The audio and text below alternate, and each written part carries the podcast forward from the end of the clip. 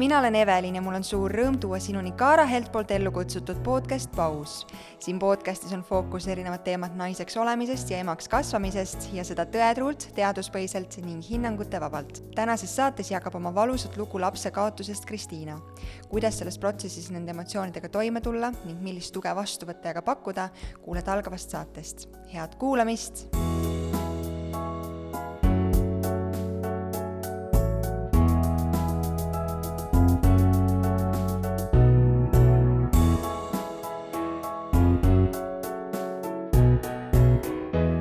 Kristiina. Tere, Evelin. Ähm,.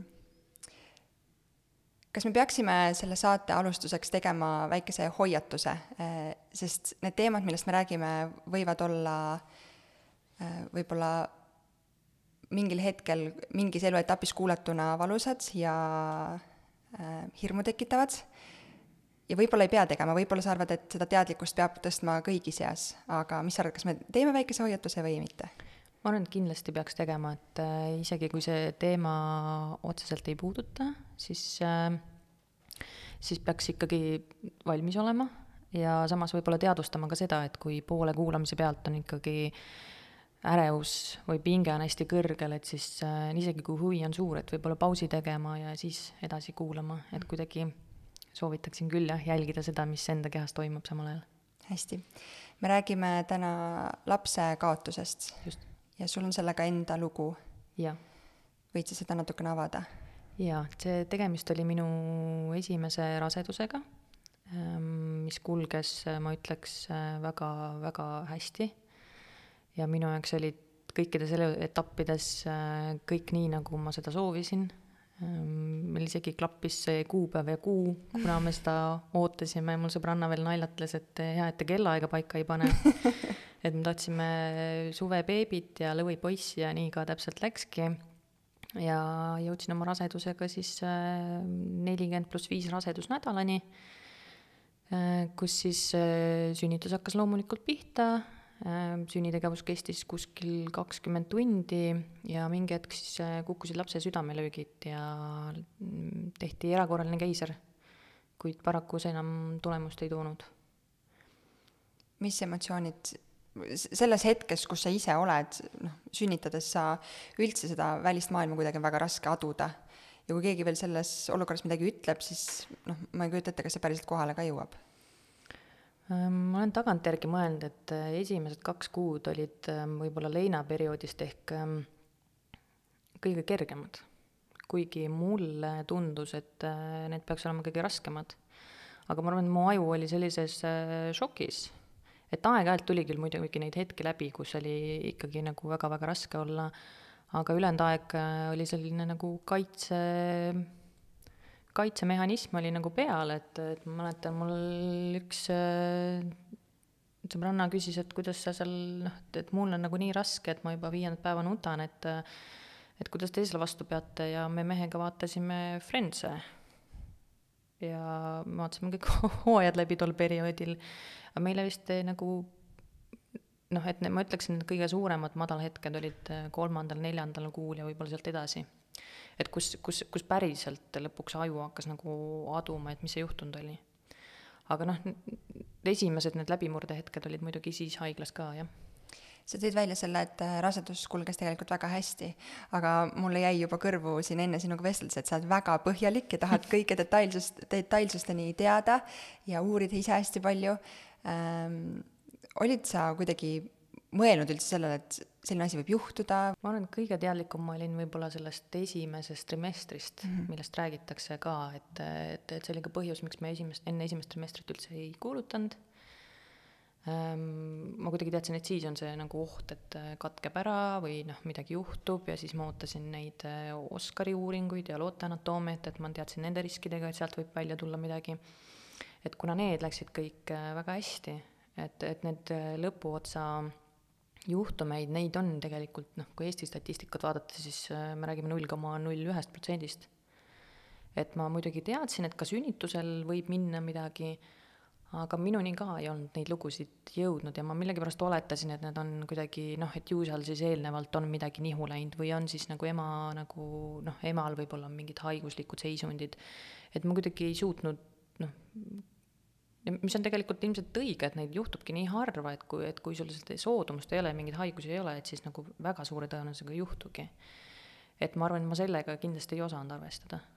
kas see, see, et me täna siin räägime sellest ähm, ja sa oled ise ka välja toonud seda, et äh, on oluline jagada äh, ja seda teadlikkust tõsta just mm, -hmm. aga olles ise selles, ma ei tea, kas haavatav on õige sõna, aga selles lapse ootuse protsessis mm, -hmm ja mis sa arvad, kas me peaksime enda ümber püüdma hoida seda roosat mulli, et kõik on hästi ja sisendada see positiivne sisekõne, millest, äh, millest me kõik mm. räägime, on ju, või sellist realistlikku meelt ikkagi peaks ka hoidma um,? nagu ma enne ka ütlesin, et, et um, üks olukord on see, et sa oled lihtsalt teadlik ja sa jälgid asju, mida sa saad omalt poolt teha ehk siis, kui me räägime rasedus näiteks diabeedist ja siin on väga selged asjad, mida ema saab ära teha. või ta saab jälgida oma, ma ei tea, et ta ei tõsta kappe seal viimasel trimestril, on ju, või ta nagu noh, sellised elementaarsed asjad, et sa jälgid oma arsti soovitusi, jälgid nõudeid, noh, me ei, ei maiusta seal võib-olla et kui me nendest asjadest räägime, siis kindlasti ja ma arvan, et seda teadlikkust tegelikult on emadel aga, aga nendest juhtumitest, mis äh, juhtuvad noh, niivõrd harva ja mida sa otseselt ei saa kuidagi ära hoida. et, et ma olen hästi mm, hästi kahtleval seisukohal, mida nende lugudega teha, et ühelt poolt äh, sellele sihtgrupile, kes on seal seda kogenud, et neil on, neil on kindlasti vaja kuulda, et nad ei ole ainsad. Ja neid lugusid on veel aga nendele, kes on lapseootusel, et nende noh, ma ütleks, et minu esimene selline noh, õndsas tundes äh, rasedus oli kindlasti parem kui, kui see teine ülima teadlikkusega. mitte, et ma esimene kord ei oleks nagu teadlik ja hoolas olnud, aga teine kord ma teadsin võib-olla ehk liialt palju, liialt palju neid äh, üks miljonile lugusid. kuidas see lugu sealt edasi läks ähm,? Sellele järgnes äh, pikem leinaperiood ähm,. osad inimesed naasevad äh, kiiremini tööle, et soovitatakse mitte väga suuri muudatusi oma karjääris ja elus teha, et äh, kuigi oli küll korra mõte, et koliks, reisiks, noh, et et oli nagu soov korra nagu teha väga drastiline muutus, aga tööalaselt ma ikkagi otsustasin, et et, et ähm, soovin muudatust ja ma tulin töölt ära ja ma segan sulle vahele, aga äh, oskad sa öelda, miks soovitatakse mitte mingeid drastilisi muudatusi teha äh,? sest sel hetkel see võib-olla tunduda nagu hea ja vajalikuna, aga, aga see rutiin ja võib-olla tavapärased tegevused on tegelikult asjad, mis ähm, pikas perspektiivis võib-olla toetavad mm. tegelikult rohkem. et ähm, mina jah, võtsin aja maha eeldades, et ma siis võib-olla leian endale selle meelepärase tegevuse, kuna oli Covidi selline periood, siis äh, mul oli ka keerukusi töö leidmisega. ehk siis minul venis see leinaperiood, ähm, et ühelt poolt ma sain hästi pikalt kodus olla, mis äh, oli nagu hea, aga teisalt võib-olla, kui ma oleks varem tegutsema hakanud, oleks, oleks võib-olla parem olnud mm,.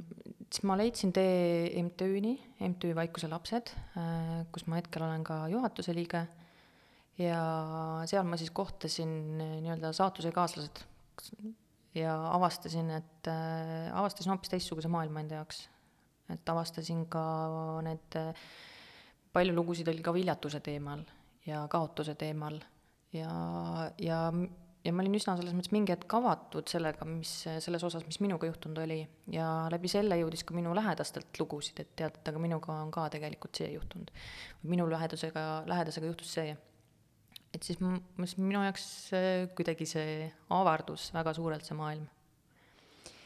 sa tõid ka välja selle, et sina isiklikult ei pidanud või ei soovinud seal enne esimest trimestrit äh, või esi-, enne esimese trimestri lõppu jagada ja et, et sa olid nendest riskidest teadlik, eks mm. -hmm. aga kas see, see, et ei jagata äh,, võib tekitada selle olukorra, kus midagi ongi võib-olla mitte nii hästi ja siis me elame seda nii üksinda läbi, sest keegi teine mm -hmm. ei, ei tea nüüd üldse, et midagi toimub. kindlasti jah, et, et äh, neid lugusid kuuleb ka sageli just IVF-i prot-, no mitte ainult IVF-i, minu jaoks IVF võib-olla on üldiselt äh, ähm, kõik need ähm, viljatuse teemad, kuigi see on lai maailm nat- natuke jah, noh, seal on kindlasti rohkem, rohkem neid mõisteid, et ma nii, nii teadlik ei ole. Et, et seal on neid katseid ja kaotusi võib-olla rohkem ja nad võib-olla juhtuvad varem ja noh, siis ei ole nii suurt kõhtu ees. et, et seal ma olen küll kuulnud, et kiputakse nagu üksi jääma. aga enda kogemust rääkides võib-olla sellest, mida ma nagu paremini tean mm,. näiteks teinekord ma mõtlesin ka, et, et mis hetkel ma siis nüüd teavitan. ja ma otsustasin, et ähm, ma teavitan kõiki neid, et kui mul peaks midagi halvasti minema, et ma tahaks, et nad teaksid. ja selles mõttes kohe, kui ma oma rasedustesti kätte sain teinekord, siis ma põhimõtteliselt juba siis teavitasin oma lähedasi inimesi, kes, keda ma tahtsin, et kes oleksid mul olemas sel teekonnal on see miski, mida sa võib-olla soovitad ka teistele? et see lähedaste tugi oleks vajadusel olemas? ma arvan, et see on paraku hästi individuaalne mm., et mõni soovibki võib-olla oma kaaslasega kahekesi seda teekonda astuda. ja mõni tunnebki võib-olla teistmoodi mugavalt, mind kindlasti toetas see, aga ma ei saa öelda, et see kõikidele sobib. kui palju selles äh, leinaprotsessis sinu jaoks oli mingit süütunnet või iseendale näpuga mm -hmm. näitamist? ma arvan, et see on selline universaalne asi, et, et nii palju, kui ma olen ähm, nende emadega siis kohtunud, et ähm, selle kohta ma võiks öelda, et see on, see on stamptegevus, mida tegema hakatakse, et keeritakse oma rasedus sekund sekundi haaval, otsitakse, et mis hetkel midagi siis märkamata jäi, mis hetkel ma endast siis ei seisnud, mis hetkel ma oleks, oleks-poleks, noh, see valdkond. ja kuna see toimub nii-öelda naise kehas, Ähm, mida tema peaks ja noh, hästi palju räägitakse ju sellest intuitsioonist ja ema, emaks olemisest ja sellest kõigest, et äh, siis tekibki endale väga suur ootus, et ma oleks pidanud tegema nii või naa või tunnetama või tajuma. Et äh, ma võin siia kõrvale tuua, et minu teine rasedus, äh, kus ma arvasin, et ma juba tean mida oodata, oli niivõrd teistsugune et äh, ma ei tajunud absoluutselt seda, et, et noh, nüüd on hästi või nüüd on halvasti. et seda on nagu, see ootus on äh, hästi kerge tulema. aga ma ütleks, et kohati ebarealistlik. ja see, see süütunne on hästi, noh, see on paratamatu. Ja ma ütleks, et mida rohkem on siinkohal võib-olla meedikud äh, toeks ähm, hekseldada neid mõtteid et, et mina mõtlesin ka, et aa, ma üks hommik tegin seda omletti ja ma ei küpsetanud seda muna piisavalt kaua, äkki see oli nüüd see bakter, sest no ma ei tea, et et, et võib-olla no, no ja kapi tõstmisest rääkides ka, ma olin esimese, viimase, esimese, esimese rasedusega olin äh, suvilas seal mööblit äh, renoveerimas. Mõtlesin, et aa, ju see siis oli see kapp, mis ma tõstsin natukene. et äh,, et kui sul oleks, noh keegi sel hetkel ja ütleks, et tead, et kui, kui tol hetkel, kui see oleks platsenta irdunud, siis sellega ei oleks kolm nädalat ilmselt aega läinud või seda me oleks ähm, operatsioonilaual näinud, et näiteks platsentaga oli see ja see ja see. või kui see oleks olnud noh, et kuidagi lahterdada ja kuidagi vähendada seda süütunnet, sest äh, kui sul ei ole meditsiinilist haridust, siis sa hakkad äh, noh, neid põhjuseid, seoseid omavahel kokku panema nii, nagu loogiline tundub mis tegelikult ei, tegelikult võib-olla ei ole üldse reaalsusega mingit pistmist. see küsimus, miks äh,, miks juhtus, see vist on nagu ükskõik mis eluvaldkonnas midagi juhtub, siis alati mm -hmm. on see miks mm. -hmm. vähemalt minu puhul, ma tahan alati kõike peensuste ja detailideni teada, nii nagu mul on tunne, et ka sina äh,. kui oluline sinu jaoks see miks oli?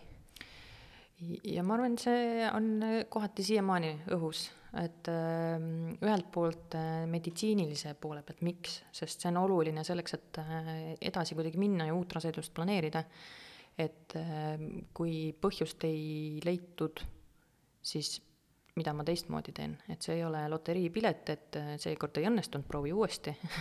Sest sa tahad konkreetseid juhiseid, et, et kui ma esimene kord ei teinud midagi valesti, et kuidas, noh, mis see siis teine kord selle ära hoiab, et see hirm on nagu selle pinnalt väga kerge tulema ja teine on selline noh, see selline spirituaalne, religioosne, ma ei tea, selline äh, elufilosoofia selline otsimine, et miks need asjad üldse juhtuvad. ja siin mulle meeldis tegelikult äh, Annika Laatsi raamatust üks mõte, et, et meid kuidagi kasvatatakse äh, selliste heade kodanikena, et, et kui me oleme head inimesed, siis meiega juhtuvad head asjad kust on siis väga kerge järeldada, et kui meiega juhtuvad halvad asjad, järelikult me oleme halvad inimesed. et ma siinkohal, siinkohal rõhutaks, et ka heade inimestega juhtuvad halvad asjad. et, et kuidagi sellise, et mul läks aega, et jõuda selleni, et ma pole elus mitte midagi sellist teinud, mille eest ma nagu vääriks sellist karistust või, või, või nagu õppetundi, no see õppetundide teema on hästi klassikaline, mida inimesed hakkavad ütlema, et või ju siis seda oli millekski vaja.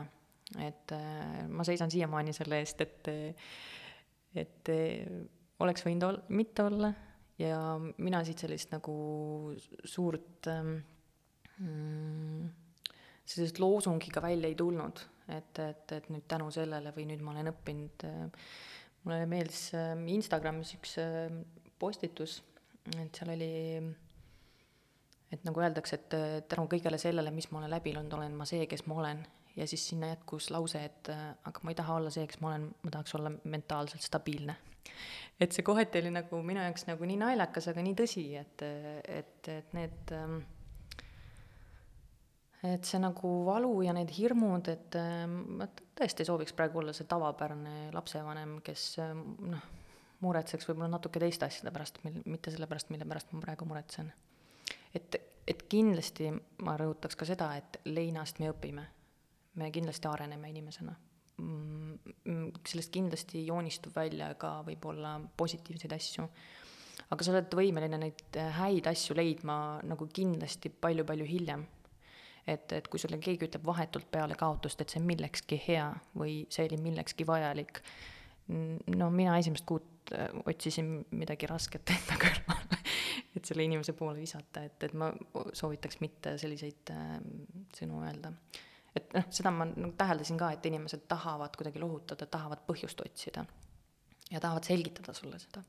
aga jätke see nagu sobiv äh, põhjuse leidmine sellele inimesele endale et ärge suruge midagi peale, et las ta leiab ise endale selle loogilise või nagu sobiva selgituse, mis, mis teda nagu toetab oma elus, mis iganes see ka siis ei oleks.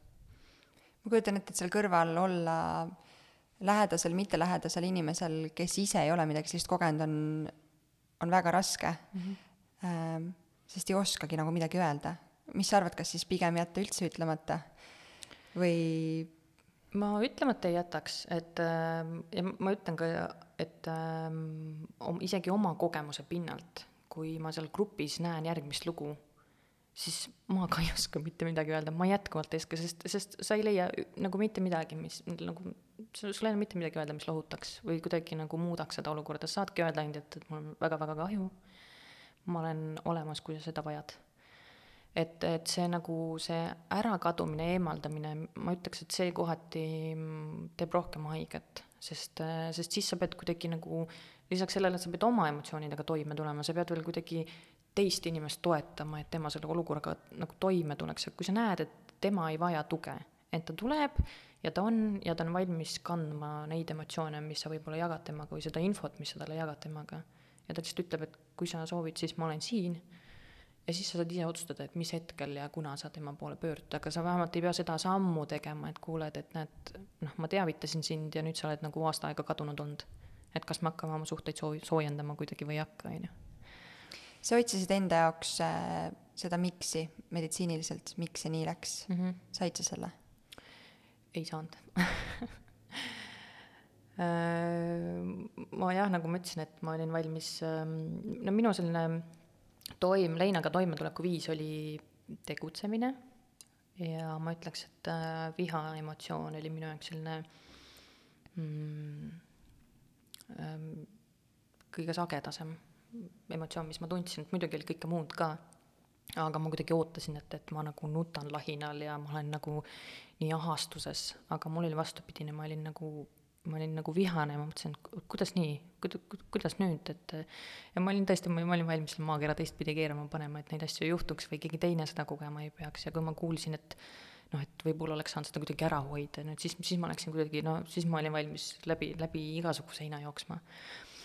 Ja ma hästi palju uurisin, uurisin, mida teevad teised MTÜ-d, mida, mida tehakse teistes riikides ja ja avastasin, et Eesti on Eestis on võrdlemisi hästi võrreldes teiste riikidega. et me, et näiteks USA, kes hästi propageerib seda teemat või hästi nagu noh, seisab nende õiguste eest kõige aktiivsemalt, on sotsiaalmeedias kõige lihtsamini leitavad ehk et ähm, nemad tegelevad võib-olla hoopis selliste küsimustega, et ähm, kuidas tervisekindlustust äh, inimestele jagada ja kuidas nad saaksid üldse seda nagu tavapärast äh, kontrolli, mis meil on nagu niivõrd iseenesestmõistetav. ja ma saan aru, et neil on ka rassiliselt on erinevad võib-olla olulised ähm, punktid, mida ei märgata. et või mida tähele ei panda, et, et äkki mingi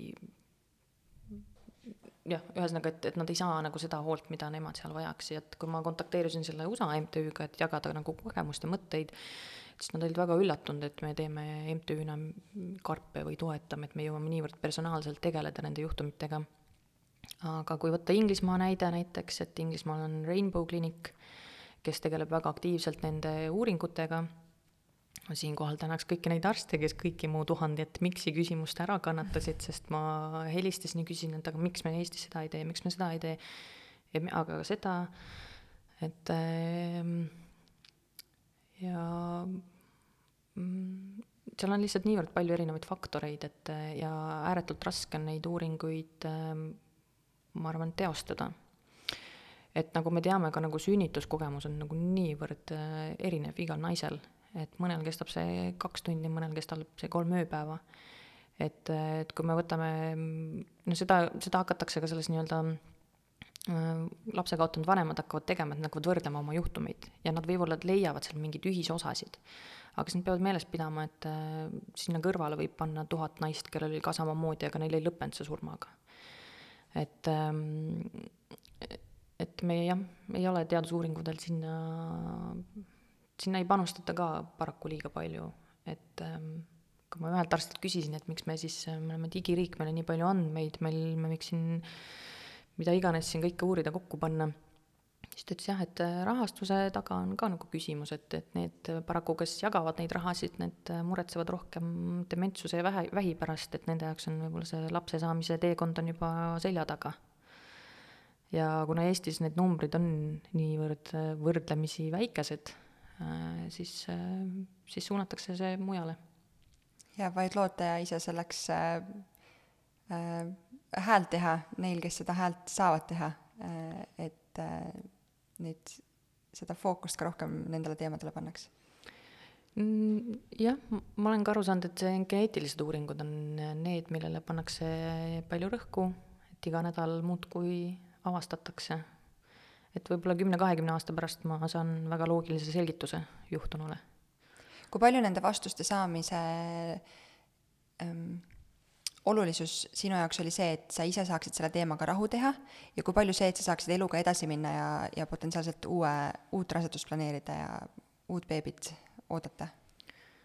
see oli kindlasti oluline, aga kuna neid vastuseid äh, ei tulnud, siis äh, ma pidin mingi hetk jõudma selleni, et lihtsalt äh, loota et läheb hästi.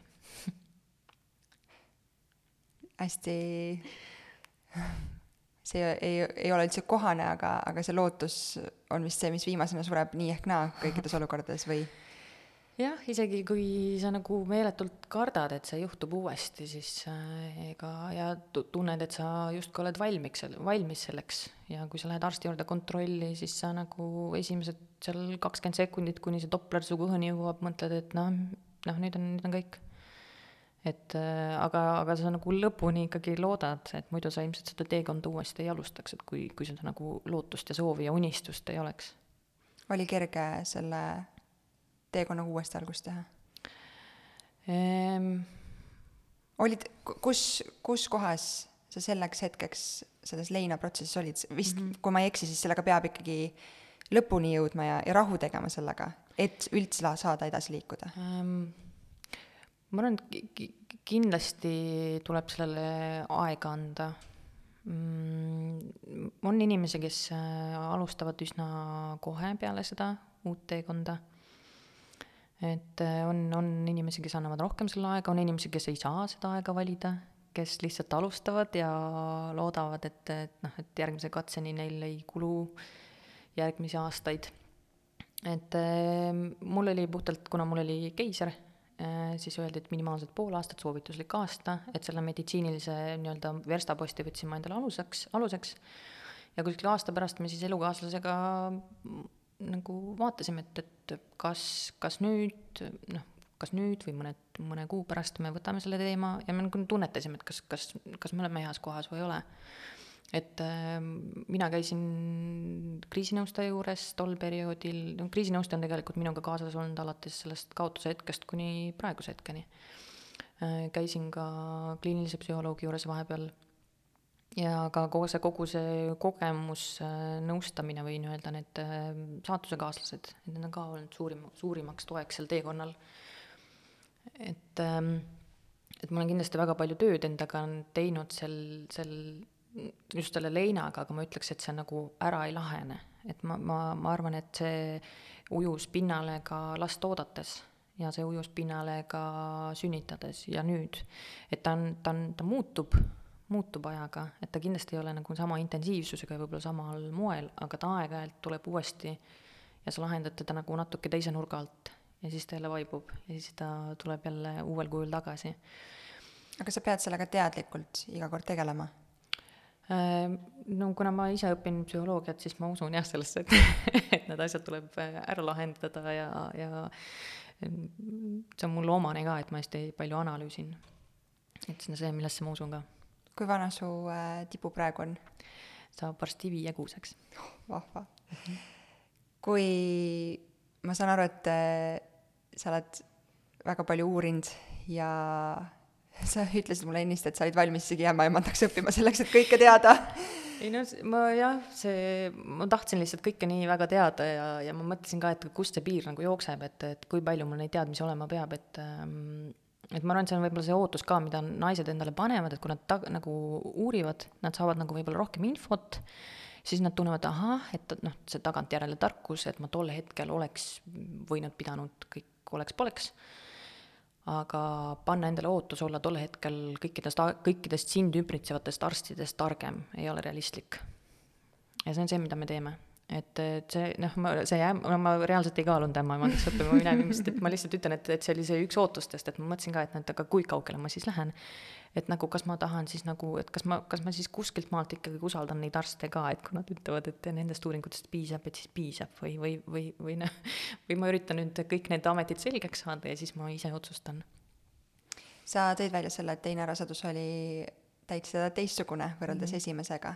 kui palju sa iseennast rohkem hoidsid või kuidagi mõtlesid sellele omle-, omletti praatides või kappi tõstes või, või midagi muud tehes? Vastus on ilmselt jah ja ei, et ühelt poolt ma arvasin, et ma ei nuusuta ka komme enam aga no need kahjuks ei jäänud kappi. et aga ma mäletan ka hetke, kus elukaaslane ostis, see oli päris raseduse algus, ta ostis grilli ja see oli vaja autosse tõsta ja ma kuidagi noh, jõusaalis olin ka käinud, teadsin, kuidas kükitada, jalgade toel tõsta, tõstsin ära ja siis ma istusin autosse ja siis mul oli koheselt niimoodi, et aga mis siis, kui nüüd juhtus? mis siis, kui no ma nüüd sellega nüüd äh, tegin midagi? ja selleks hetkeks, kui ma koju sõitsime, see kakskümmend minutit, ma olin ennast nii üles kerinud, et kui ta, kui see oli vaja välja tõsta, siis ma, ma põhimõtteliselt nuttes äh, karjusin, et, et, et miks sa paned mind sellisesse olukorda, kus ma pean otsustama.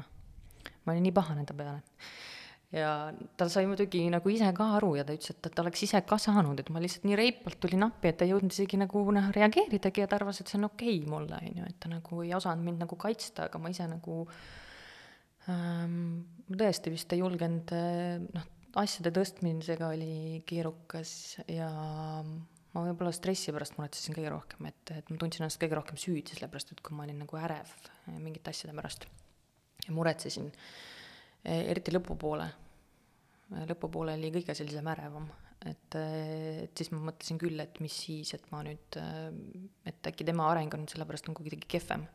ja sealt tekib selline nõiaring, et kuidas siis nagu maha rahustada ennast. aga e-, erinev oli ta nagu meditsiiniliselt juba ka, et ta nagu laskus hästi kiiresti alla. ja mul oli platsenta esimene kord oli tagaseinas, siin oli eesseinas et see nagu kõik, see löökide tunnetamine ja kogu see nagu liigutuste tunnetamine oli nagu hoopis teistsugune. kui sa mõtled tagasi selle väga ootamatu esimese olukorra ja uudise peale, siis äh, sel hetkel sa ju ei teadnud, kas MTÜ Vaikuslapsed, ma saan aru, et sina liitusid sellega hiljem, et see oli mm -hmm. varem olemas, jah mm. -hmm sa tõid selle välja, sa jõudsid üks hetk aga kuid pärast seda protsessi nendeni? Tegelikult ma nagu jõudsin juba nende, nende gruppi vist samal ööl äkki või järgmisel ööl, äh, sest ma hakkasin juba siis oma teadusuuringutega pihta sest äh, jah, ja, ja teine, mis ma sain, oli siis mälestuste karp. see on põhiline teenus, mida MTÜ siis äh, pakub. Ehm, käisin, need karbid on meisterdatud äh, teiste emade poolt, ka vabatahtlike poolt, ka meditsiinitöötajate poolt. Äh, et nad on käsitööna tehtud. Ehm, kuskil kolm tundi kulub ühe karbi tegemiseks. Ja seal karbi sees on nii infomaterjali, seal on kaart kuhu on võimalik jätta lapse käe ja jalajäljed.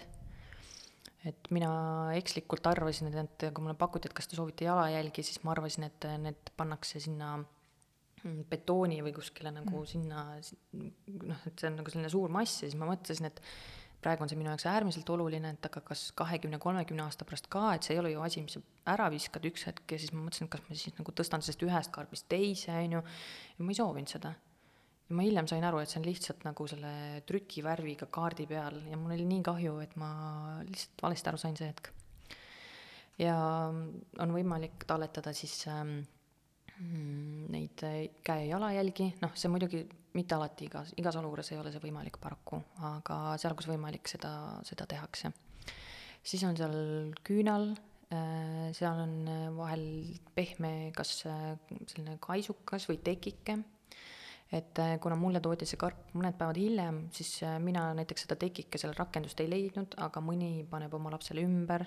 Ähm, et need äh, rakendused, see hästi sõltub ka tegelikult sellest, et mis hetkel see karp üle antakse, ähm, mis sõnadega see üle antakse, mis selgitustega see üles, üle antakse, et ma tean, et osad vanemad, nende jaoks on see selline tundmatu asi, mis neile toodi ja see võib tekitada ka tegelikult negatiivseid emotsioone, et ma last ei saanud, aga ma nüüd kõrbin selle, kõnnin selle karbiga koju aga, aga samas, kui tutvustatakse, mis seal on ja sa jõuad, jõuad nende, läbi selle nende peredeni, kes on samas olukorras, ja siis saad aru, mis selle karbi mõte on, et see on lihtsalt noh, öelda, et sa ei ole üksi. Ja seal on nii bürokraatliku noh, asjaajamise poole pealt vajalikku infot kui ka võib-olla sellist helgemat poolt, et et see on koht, kuhu sa saad mälestusi talletada ja hoida et, et see kuidagi aitab sellel leinateekonnal ka võib-olla kaasa, et, et et, et ka koju jõudes võib-olla sorteerida need mänguasjad või riided ja otsustada, et mis ultrahelipildid või mis dokumendid ma sinna säilitan ja see on nagu selline noh, meie jaoks äh, ilus mõte ja väga paljud vanemad on öelnud, et see on neid äh, toetanud ja aidanud ja, ja ka meie jaoks oli see karp äh, äärmiselt armas kuigi muidugi sel hetkel võib see tekitada raevu, et, ähm, et lapse asemel sa kõnnid karbiga koju. millist tuge Vaikuselapsed MTÜ pakub või milleks see, sa tõid selle, sa kirjeldasid mm -hmm. seda karpi, mis on minu arust väga ilus äh,, aga sa tõid ka välja, et see, see, seda ei pruugi kohe alguses nii mõista mm. -hmm. aga mis see nagu põhiline fookus on, millist tuge pakkuda? Ehm, kogemusnõustamine on see, mida me saame pakkuda, et eh, meil on vabatahtlikud, kes on läbinud selle koolituse. Ehm, ja ma leian, et see on ehm, üks olulistest nii-öelda verstapostidest, et sul on kindlasti lähedaste ringkond, et sinu elukaaslane, ma ei tea, vanemad, sõbrad, tuttavad, kes sind toetavad. Mm, sul on kindlasti ka professionaalide, psühholoogide, teiste spetsialistide meeskond aga kogemusnõustamine just ja just kuulda kedagi, kes on sarnase kogemuse läbinud. et äh, kuidagi paraku tekib see, et ainult nemad mõistavad. seal on muidugi oluline täheldada, et ei tekiks sellist nagu mm, eraldumist nendest lähedastest, et nemad ei mõista, ainult nemad mõistavad, et see on üks risk nende koge-, nagu sellise saatusekaaslaste puhul, et hoitakse ainult nende poole. aga kui võtta seda üks, ühe nagu ressursina erinevate, sest need toetuse liigid on erinevad ja nad ei asenda üksteist. Need on kõik olulised. et see on, see on lihtsalt see, mis me saame pakkuda. nelikümmend pluss viis on, selleks ajaks, noh, sa ju ootadki, et sa tuled beebiga koju ja, ja elu läheb sealt omas uues mullis edasi. kõik asjad on valmis, mähkmed on sahtlis ja riided on pestud ja kokku võlditud. Ja siis sa tuled koju ja sul ei ole kellelegi neid panna. Ku-, kuidas see, võib-olla ma palun vabandust, et ma seda küsin üldse, aga puhtpraktiliselt, kui sentimentaalsed need asjad on ju olulised mm, -hmm. kuidas see elu sealt edasi läheb nende asjade keskel? meil oli tuttavaid, kes pakkusid meile sel hetkel, et kas te tahate, et me läheme koju ja pakimegi need asjad kokku, aga me ei soovinud seda ja ma pean tunnistama, et äh, see häll seisis meil veel paar kuud. et me kuidagi, me ei, otsustasime, et see on meie perelugu ähm,. seda ei saa noh, me ei, me ei soovinudki seda selles mõttes kuidagi unustada või kuidagi mitte välja sellest teha, me nagu teadsime, et see ongi meie esimene laps, see ongi meie, meie pereloo algus ja, ja me, me andsime aega nendele asjadele. Et äh, mul läks äh, mõned kuud hiljem, ma alles hakkasin mingeid asju äh, pakkima ja ma ütleks, et enamik asjadel ei olnudki tegelikult sellist ähm, nagu nii suurt äh, nagu sentimentaalset väärtust. Oli nendel, mis ma olin nagu näiteks elukaaslasele kinkinud, et näiteks kui ma leidsin, et selline äh, ma mäletan üks Batman'i kostüüm, et ma ütlesin, et noh, et teist saavad kindlasti need äh, et hakata nagu koos pättusi tegema, mille peale mul vererõhk lakke tõuseb, on ju, et, et, et valmistuge et sellised, et noh, ja tema oli kinkinud ka mingeid asju mhm, ja võib-olla fotosessiooniks meil oli ka üks selline härrasmehe kostüüm ostetud, et need mingid sellised asjad me panimegi kõrvale. aga kõik muud asjad, need kuidagi ähm, ja ma ei suutnudki otsustada tegelikult, mis ma, mis ma teen nendega ja ma otsustasin, et ma siis ei peagi. pakkisin kõik need plastikkarpidesse, viisime panipaika ja teise raseduse jooksul ma mingi hetk siis julgesin neid karpe uuesti avada ja siis ma vaatasin selle pilguga uuesti, et mis ma siis, mis ma siis jätan alles, mis ma siis võtan kasutusse, mis ma ei võta. et. Äh, kas teise raseduse puhul see äh, hetk, millal neid asju valmis panna ja, ja kodu uuele ilmakodanikule nagu vastavaks kõik, et kõik oleks valmis ja käe-jala juures mm. -hmm. kas see lükkus nagu hästi-hästi hilisesse perioodi ka seetõttu, et kuidagi hirm oli suurem? Mm, ma teadlikult äh, tegelesin selle teemaga, et ma teadsin, et äh, paljud ei julge riideid osta ja ma mäletan seda hetke, kus ma ostsin esimesi riideid ja sul olid hinnasildid küljes, siis ma mõtlesin ka, et noh, et äkki ma siis ei lõika ära, et äkki tuleb tagasi viia või. ja siis ma mõtlesin, et nii, et, et ma ei mõtle nii ja lõikasin need hinnasildid ära ja panin sahtlisse ära. ja, ja mis ma veel, ma, ma, ma kuulsin ka neid lugusid, kus äh, nii viimase hetkeni keskenduti vaid rasedusele, et kui seal beebi lõpuks käes oli, et siis nad ei olnud ühtegi kursust läbinud ega valmis, et mis nüüd edasi saab, ma arvasin, et ma ei jõua siia.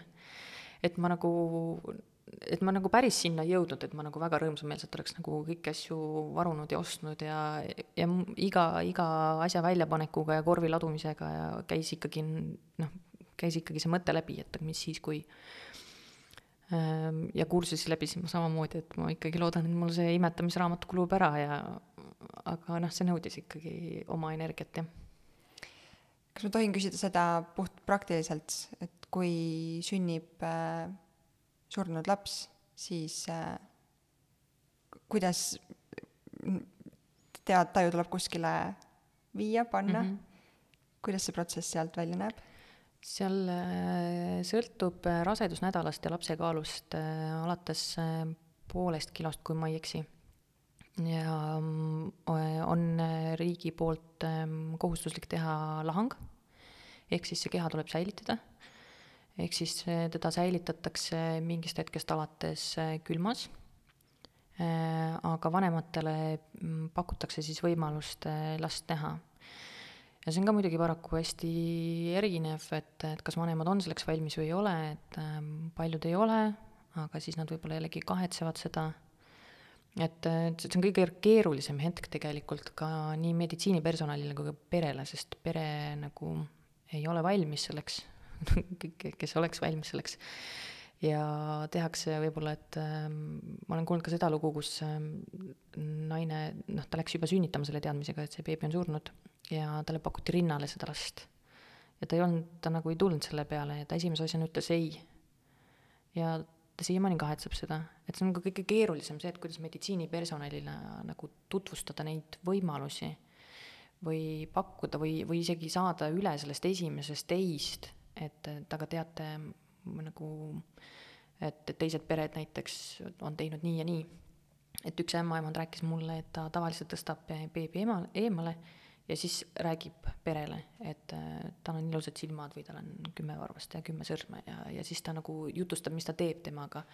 et äh, vanematel siis kaob ära võib-olla mingi hetk see nagu see tohutu hirm või plokk ja nad on võib-olla valmis siis seda sammu astuma, et, et ma arvan, et see on nagu ähm, ma nüüd kaldusin küsimuste eemale, küsimus on, oli, et see on väga okei okay., et kuidas see praktiline protsess sealt edasi näeb ja, selle väikese see, see ongi lihtsalt nagu niivõrd ähm, niivõrd erinev, kuna on ka olukordi, kus see beebi on võib-olla mõned päevad juba üsas surnud.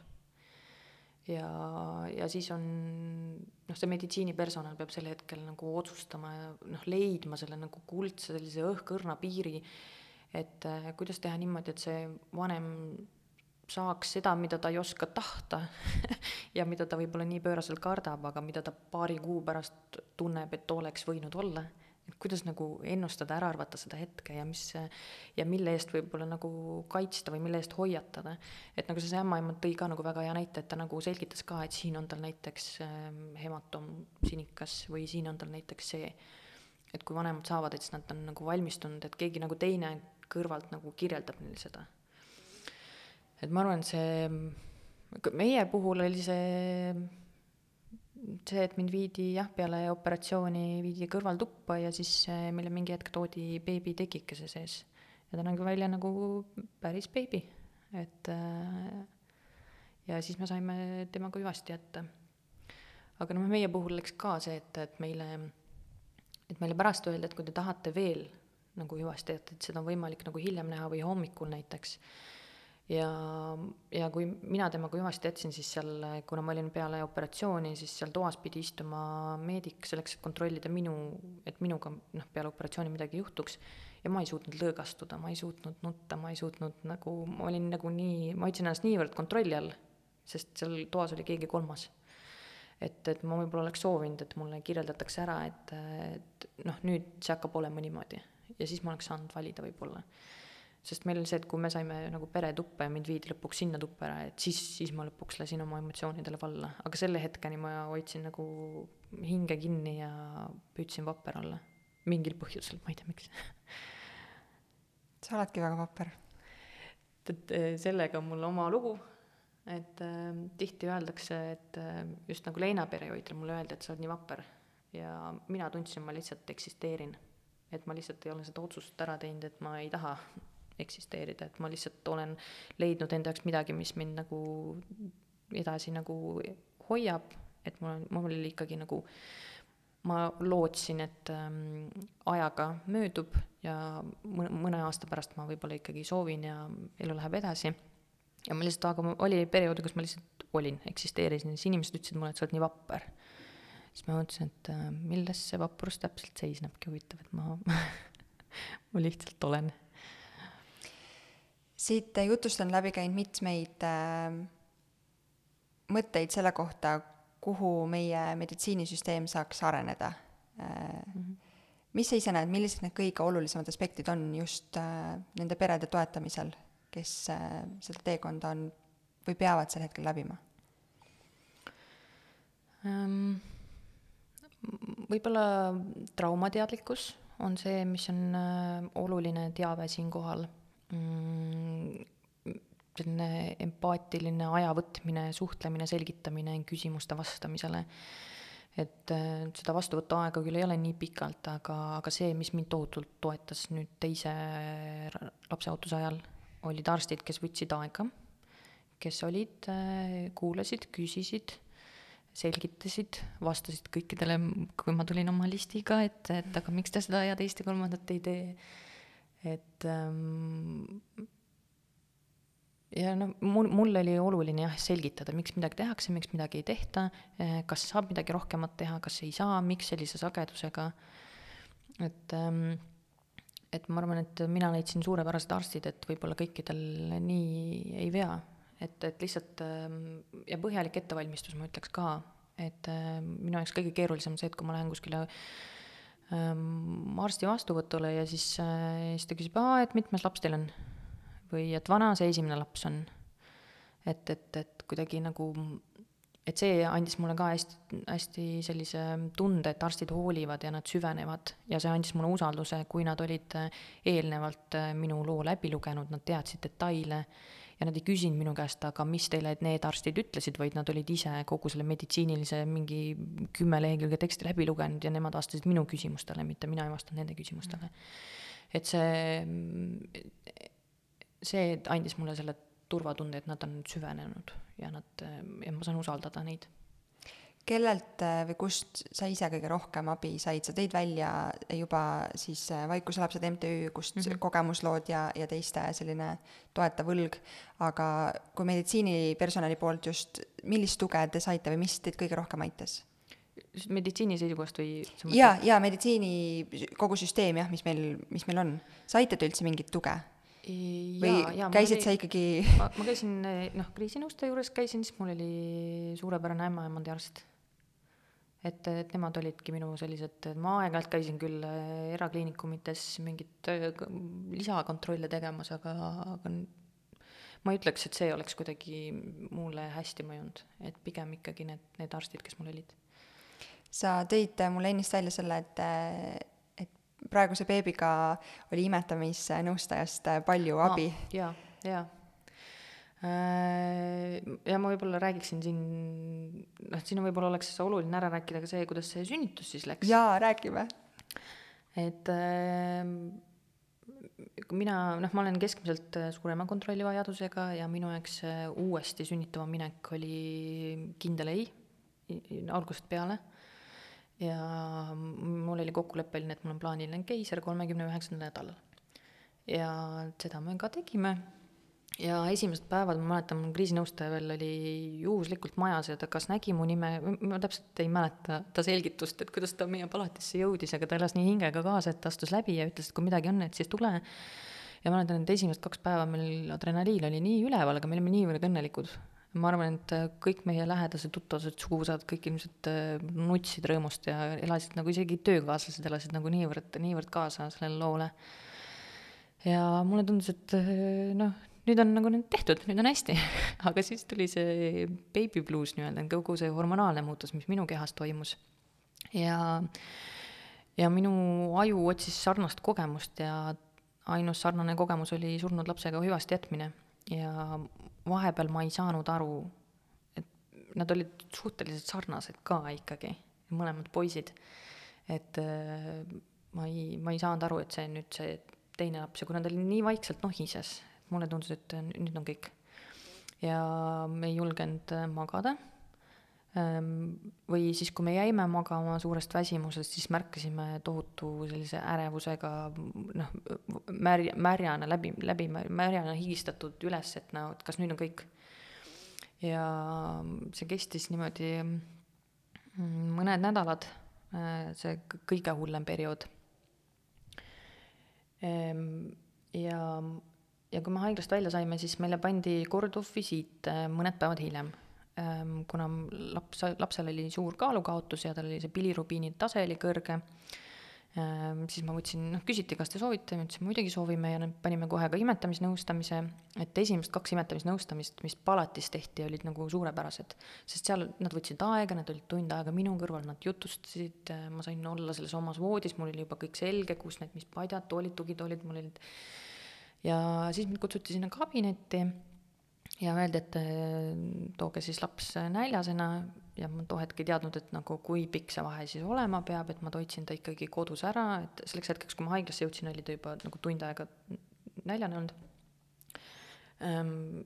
arst võttis siis oma proovid, me ootasime neid vereproove tagasi ja siis ma läksin samal ajal sinna imetamisnõustamisse ja siis ma olin, samas ma olin nagu nii elevil, et meil pakutakse üldse sellist teenust ja niimoodi samal ajal, kuni ma seda ootan, samal ajal ma saan kõrval kabinetti minna ja aga ma olin enne seda otsustanud ka, et mul on tegelikult, et mul imetamisvõtted olid paigas, et ma tahtsin tegelikult lihtsalt suhelda teistel teemadel, aga mind pandi sinna nagu istuma, et hakake imetama. laps oli unine, ta ei tahtnud süüa ja siis see nõustaja tol hetkel veel ütles sellise kommentaari, et ahah, et hoidsite kõhu täis, et hea arstile ilusaid numbreid näidata. ja aga selleks hetkeks olin noh, mina kartsin kogu aeg, et, selle lapsega juhtub midagi, et et, et ta nüüd nagu noh, ta nüüd kohe-kohe sureb ära või, või ma ei suuda tema eest hoolitseda. ja, ja minu jaoks see kommentaar oli selline jällegi nagu süütunde varna selline riputamine, et, et ma tegin midagi valesti. et, et järelikult arst sai nüüd valed andmed, et äkki ta õigete andmete pealt oleks teistsugused otsused teinud ja seal ma juba istusin, mul oli juba nagu noh, ma ei tea, ma magasin vist keskmiselt kaks tundi päevas, ma arvan, et esimesed nädalad. ja siis ma seal siis istusin, laps ei tahtnud süüa ja siis ma mõõtsin ennast kätte, et mul olid küsimused, need olid mul üles kirjutatud, siis ma hakkasin küsima neid ja siis ta vastas kõige kohta, et aa noh, et küll ta, saame ta kõigepealt terveks ja siis vaatame. et see on ilmselt see kollasusest tingitud ja ta tegelikult ei vastanud ühelegi mu küsimusele. ja seal kabinetis oli veel üks nõustaja, üks, üks ema oli veel samal ajal imetamas ja ta mingi hetk küsib, et vana teie esimene laps on? ja siis mul meenub kogu see esimene lugu ja ma siis vastasin ära, et esimene oli surnud sünd ma ei mäleta, kas ta nagu vastas midagi selle peale. Ja mingi hetk ta siis ütles, et äh, tulemused on ära tulnud. Ja siis oli vaikus. minu aju selleks hetkeks panin kokku, et nüüd on, nüüd on kõik, nüüd on lastehaiglasse minek, nüüd mu laps on haige, nüüd midagi juhtub. ja siis ta ütles, ma lähen kutsun arsti. Ja minu jaoks see, et ma kutsun arsti, mitte ma ise ei ütle teile tulemusi, tähendas ka, et no nüüd, nüüd nüüd on, nüüd on kõik. Ja siis arst tuli, ütles, et kõik on hästi, talle lastakse koju kahe nädala pärast, minge perearsti juurde ja ma nagu järgnevat ei mäleta ausalt öeldes, sest ma arvan, et mu, mul see Rooma aju tegi seal kõikvõimalikke trikke, pakkisin selle lapse kokku. Ja kui ma autos istusin, siis ma vist äh, kogu tee koju vist nutsin, sest ma sain sellise nagu, mm, minu jaoks oli see niivõrd traumeeriv, ma ei suutnud üldse keskenduda sellele lapsele, muretsesin nii meeletult ja tundsin ennast süüdi. ma olin nii vihane, ma olin nii vihane, et ma pidin üldse seda nagu kogema ja see oli niivõrd erinev sellest äh, kogemusest, mis ma sain seal haiglas olles palatis. ja ma ei olnud nõus sinna tagasi ei helistama, ei minema ja siis mulle soovitati Signet, Signe Algma, kes on nimetamisnõustaja, kes tuli mulle koju, kes ilmselt vastas nagu kõikidele muudele küsimustele ka ära, mis ei seostunud nimetamisega ja ta on niimoodi jooksvalt olnud toeks. ja nagu eelnevatest podcast'idest on välja tulnud, et just need järelvisiidid mis on nagu, mis on tegelikult niivõrd olulised ja ma arvan, et, et just sellisel sihtgrupil, et kus sa mitte ainult ei tegele nagu nii-öelda ma arvan, et üldse ka tavaolukorras kogu see koju jõudmine, toitmine ja kõik see, et kui mõni ema võib-olla tunneb ennast süüdi, et tal ei tule see imetamine välja, siis minul äh, hakkas see katastrofiseerimine pihta, et, et kui see laps ei saa söönuks ja ta on nii uimane ja tal kaal langeb ja see on juba kriitiline, järelikult mina ei suuda teda elus hoida, järelikult ta sureb ära, järelikult ma olen halb hooldaja, andke ta kellelegi ära. mis ma arvan, et noh, ei tohiks tegelikult sel hetkel ära käia. ja siis ma olin juba nii närvis ja ma ei suutnud lõõgastuda, ma ei suutnud lapsega koos magada, siis ma mõtlesin, et ahah, nüüd ma olengi nagu, ma ei suuda, noh, ma peaks ju puhkama, ma peaks magama, ma peaks enda eest hoolitsema ja siis ma mõtlesin, et kui ma ei suuda seda teha, ma ei suuda, no siis öeldakse see klassikaline lause veel, et äh, ema peaks rahulik olema mm., ema peaks rõõmus olema ja siis ma mõtlesin, et issand jumal, ma olen kilomeetrite kaugusel sellest, et olla rõõmus. ja siis ma tundsin ennast ka sellepärast süüdi, et, et ma olen seda last nii kaua oodanud, et kus mu see nagu esimese kahe päeva suur rõõm kadunud on, et see nagu mure ja ärevus olid nii suured et sellest äh, heast õnnetundest polnud enam mitte midagi alles. ja siis ma tundsin ennast süüdi, et nüüd ma ei ole tänulik selle eest, et mul seda last on. noh, sealt läks lihtsalt nii kiirelt nagu kerima see asi.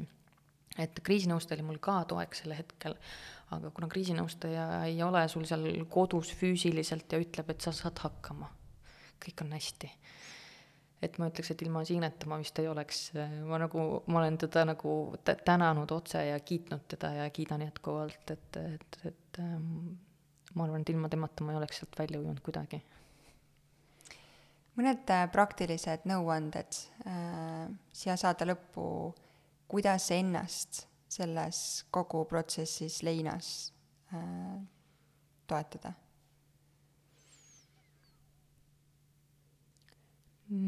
kust, kust ise teadlikult abi otsida mm -hmm. või püüda, ma arvan, et vastus on ei, aga et püüda ise seda kuidagi lahti harutada? nagu ma ütlesin, et ka professionaalset abi et on need siis psühholoogid või nõustajad ja ma julgustan ka siinkohal, et kui tal on esimene kogemus ikkagi ebameeldiv, siis otsige teine nõustaja. Me, me ka nagu inimestena, meil ei pruugi sobida need inimesed ja mul on nii kahju lihtsalt kuulda, et kui kuskil näiteks esimesel korral ei saadud sellist tuge, mida oodati, siis tehakse järeldus, et see nõustamine ei sobi mulle. et äh, püüdke uuesti ähm,. Ähm, see on seesama kogemusnõustamine või on grupp inglilapsed, et sinna saab äh, liituda, seal saab oma lugu jagada, mm, seal on vanemad väga altis üksteist toetama. MTÜ teeb aeg-ajalt algusid ja kohtumisi ja nüüd me alustasime ka nii individuaalnõustamise kui ka grupinõustamistega. ja lähedased, selles mõttes, et ma võib-olla olen seda vähe maininud, sest minu jaoks on see nii iseenesestmõistetav aga, aga ka nagu mehe ja naise lein on hästi erinevad, et võib-olla seda teadvustada. et ja, ja nagu endale võib-olla lihtsalt selgeks teha, et mis on see, mida ma vajan. et kuidagi ennast panna esikohale ja mida on ääretult keeruline meil, meil mingil põhjusel teha, aga mõelda, et mis on see, mis mind toetab, et ähm, ähm, jah.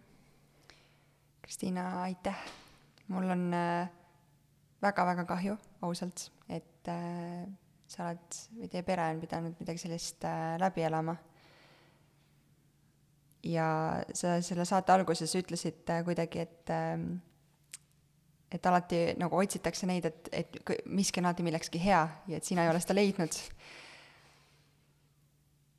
aga ma arvan, et see, et äh, sa saad äh, täna seda lugu jagades toetada teisi ja teistele seeläbi seda toetust pakkuda, on nende jaoks vähemasti väga oluline ja aitab võib-olla nendel, neid kõige raskematel hetkedel, nii et äh, kui muud mitte, siis äkki see on see positiivne hetk teiste jaoks?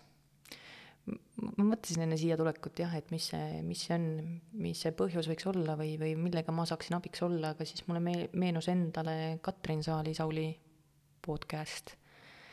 Ja minu jaoks oli oluline, et, et tema ka nagu psühholoogina ütles, et tal see nagu, ta ko-, koges äh, lapsekaotust ja et temal ka see nagu hirm järgnevate lastega ära ei läinud, et kuidagi see normaliseerimine, et minu jaoks on olnud tema jällegi selliseks, ähm, et nagu kuidas öelda, mitte eeskuju, noh, võib-olla isegi tõesti eeskujuks, aga, aga võib-olla tema sõnad või tema see saade on mulle kõrvu kõlama jäänud, et äh, et ma loodan, et tõesti, et, et kui mitte läbi selle loo, et, et kuidagi jõutakse mm, läbi muude kanalite nende inimesteni, kes äh, toetavad neid peresid.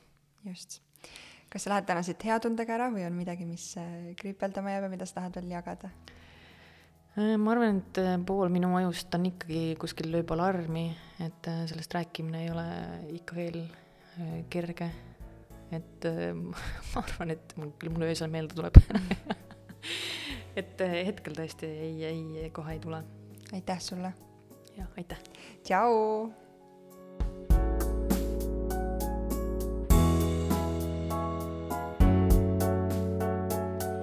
Saate toob sinuni Kaara, naiste tervise ja heaolu edendaja rasedus- ning emadusperioodil. vaata lähemalt kaarahelts.io